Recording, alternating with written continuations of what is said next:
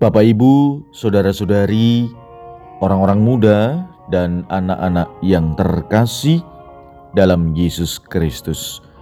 Selamat pagi dan selamat hari Minggu. Salam bahagia dan salam seroja untuk kita semua berkah dalam.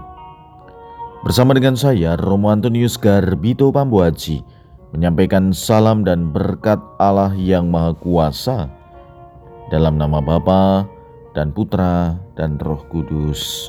Amin. Marilah kita berdoa. Ya Allah, Engkau telah menaburkan benih kerajaan-Mu di tengah-tengah kami. Kami mohon, berilah kami kerelaan hati untuk ikut serta memperkembangkannya dalam hidup kami sehari-hari, sehingga kehidupan kami semakin diwarnai cinta kasih, keadilan, dan damai sejahtera. Dengan pengantaran Yesus Kristus Putramu Tuhan kami, yang bersama dengan Dikau dalam persatuan Roh Kudus hidup dan berkuasa Allah sepanjang segala masa. Amin. Hari ini Minggu 13 Juni kita memasuki minggu biasa ke-11. Bacaan pertama dalam liturgi hari ini diambil dari Nubuat Yehezkiel bab 17 ayat 22 sampai dengan 24. Bacaan kedua diambil dari surat kedua Rasul Paulus kepada jemaat di Korintus bab 5 ayat 6 sampai dengan 10. Dan bacaan Injil diambil dari Injil Markus bab 4 ayat 26 sampai dengan 34. Marilah saudara-saudari kita mendengarkan Injil suci menurut Markus. Sekali peristiwa Yesus mengajar di hadapan orang banyak, katanya, Beginilah hal kerajaan Allah. Kerajaan Allah itu seumpama orang yang menaburkan benih di tanah. Malam hari ia tidur, siang hari ia bangun, dan benih itu mengeluarkan tunas dan tunas itu makin tinggi. Bagaimana terjadinya orang itu tidak tahu. Bumi dengan sendirinya mengeluarkan buah, mula-mula tangkai, lalu bulir, kemudian butir-butir yang penuh isi pada bulir itu. Apabila buah itu sudah cukup masak, orang itu segera menyabit sebab musim menuai sudah tiba.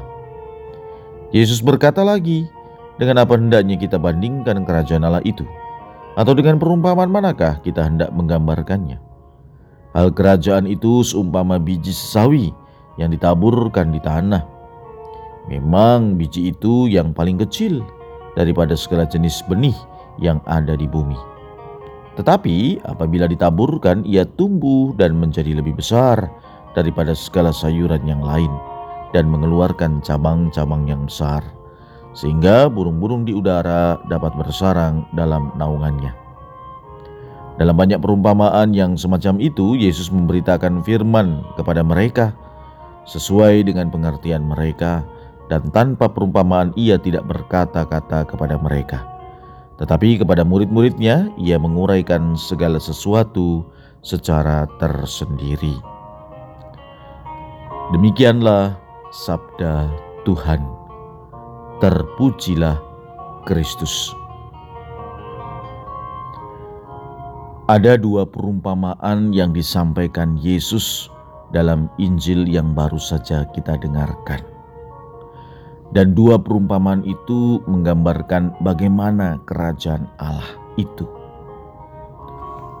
Dalam perumpamaan pertama, Yesus menyampaikan bahwa kerajaan Allah itu seperti seorang petani yang menaburkan benih, lalu kemudian benih itu tumbuh, dan tidak ada yang tahu bagaimana terjadinya sampai pada waktunya benih itu menjadi harus dipanen.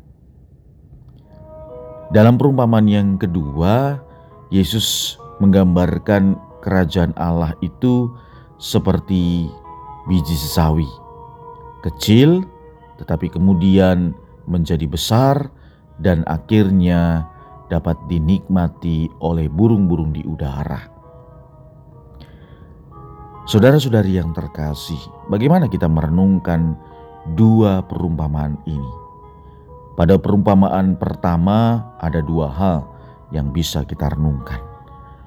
Pertama, bahwa kita tidak tahu bagaimana hidup kita ini. Hidup kita ini harus kita sadari bahwa kita dibimbing, dituntun, dibina oleh Allah. Kita tidak pernah tahu bagaimana Allah merancang hidup kita, tetapi kita harus tahu dan percaya bahwa Allah pasti membantu, membimbing, dan menuntun langkah kita. Pewartaan kerajaan Allah itu adalah pekerjaan Allah, dan pekerjaan itu selalu berjalan, bahkan ketika kita tidak melihat atau tidak memahaminya. Inilah yang kedua yang bisa kita renungkan, bahwa bisa jadi kita dilibatkan pada saat kedatangannya, sama seperti petani yang baru berperan menjelang panen. Maka perumpamaan pertama dalam Injil hari ini bisa kita renungkan sebagai peringatan bagi kita, supaya kita menyadari peran kita dan menyadari peran Allah. Dalam perumpamaan yang kedua, yang bisa kita renungkan jelas, Allah mau mengingatkan kita bahwa Allah dapat bekerja dalam situasi dan tempat yang bagi kita tidak tampak sangat menjanjikan ada dua perbedaan mencolok antara biji sesawi dan pohon yang tumbuh dari awal yang tidak penting dapat membawa hasil yang luar biasa. Itulah kerajaan Allah. Pada awalnya, kerajaan Allah sering dinyatakan dalam hal-hal kecil dan tampak tidak penting. Bisa saja kita merasa bahwa iman kita itu tidak berarti, kecil. Tapi Yesus lewat Injil hari ini meyakinkan bahwa Allah dapat bekerja dalam diri kita melalui iman seperti itu. Yang penting adalah bagaimana kita menyadari bahwa Allah sungguh berperan.